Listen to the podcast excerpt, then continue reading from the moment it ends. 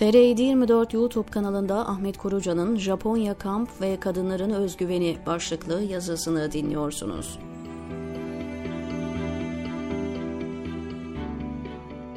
2000 yılından bu yana yurt dışında yıl sonlarında hiç aksatmadığımız faaliyetlerden biridir kamplar. Kimi zaman otellerde, kimi zaman yazlık, kışlık kamp alanlarında kadın erkek, çoluk çocuk hep birlikte Christmas ve Noel tatilini de birleştirerek geniş katılımlı olarak yapılan bu kamplar bir taraftan bizlerin arasındaki uhuvveti, kardeşliği, bağlılığı, tanışmayı, kaynaşmayı artırırken diğer taraftan yapılan programlarla manevi olarak yenilenmemizi sağlar. Tabir caizse esnafın akşamları kasasından aldığı Z raporu gibi yıllık Z raporu alma hükmündedir. Senede bir defa yapılan bu birliktelikler.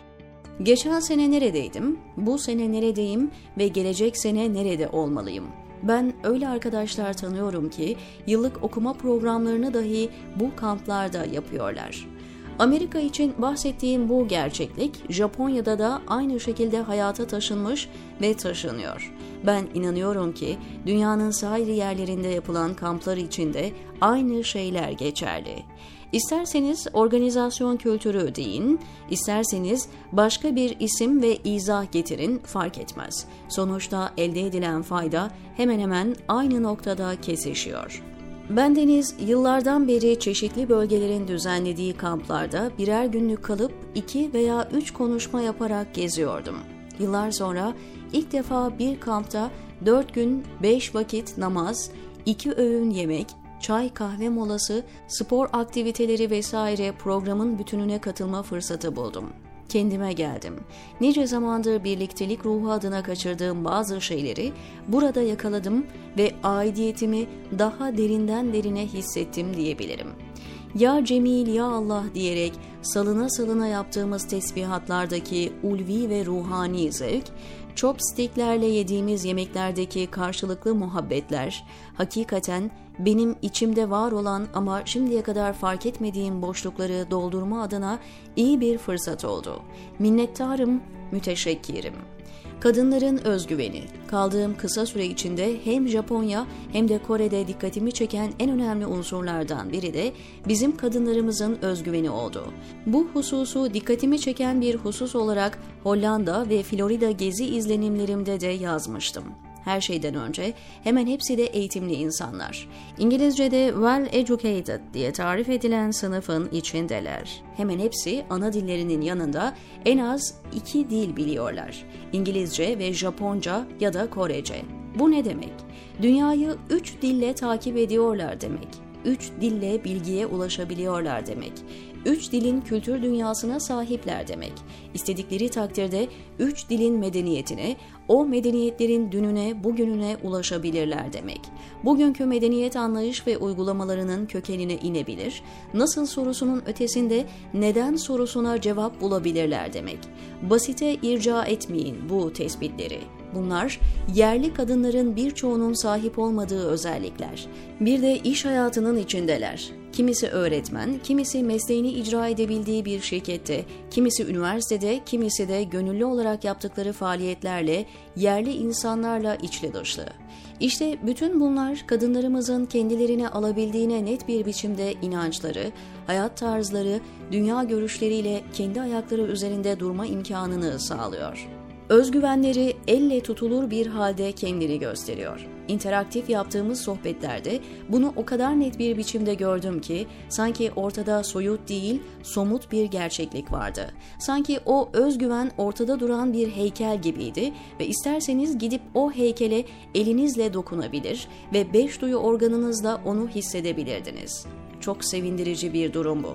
Özellikle benim ve benim neslim için. Nineleri okuma yazma bilmeyen, anneleri ilkokul mezunu, evinde çoluk çocuğuyla hayatını idame ettiren nesilleri görmüş bizler için gerçekten söylüyorum çok ama çok sevindirici. Yıllardan beri yeni bir nesil geliyor diyorduk. Gelmiş ve gözümüzün önünde o nesil. Bugünlere gelmek için gösterilen çabalar semerelerini vermiş. Allah'a hamdolsun. Şimdi yapılması gerekli olan şey bu gerçekliğin farkına varmak. Çıtayı aşağıya düşürmemek.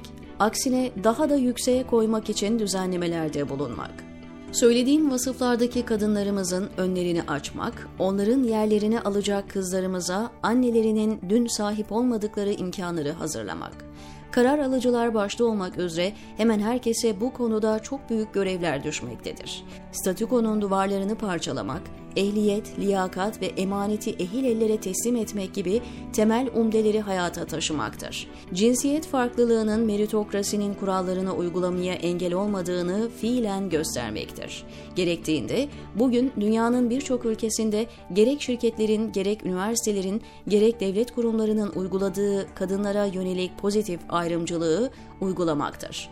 İhtimal bu noktadaki aheste revlik edişimizi gören bir Japon şunu söylemiş bir arkadaşımızın anlattığına göre. Kadınların gücünden siz yeterince istifade edemiyorsunuz.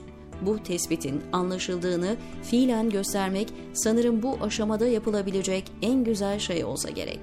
Yazımı bu noktada vebali bana kalmasın diyerek hizmet hareketindeki kadınlar ve konumları üzerine bir değerlendirme yapan bir kadın arkadaşımızın raporundan aldığım iki cümleyle bitireyim.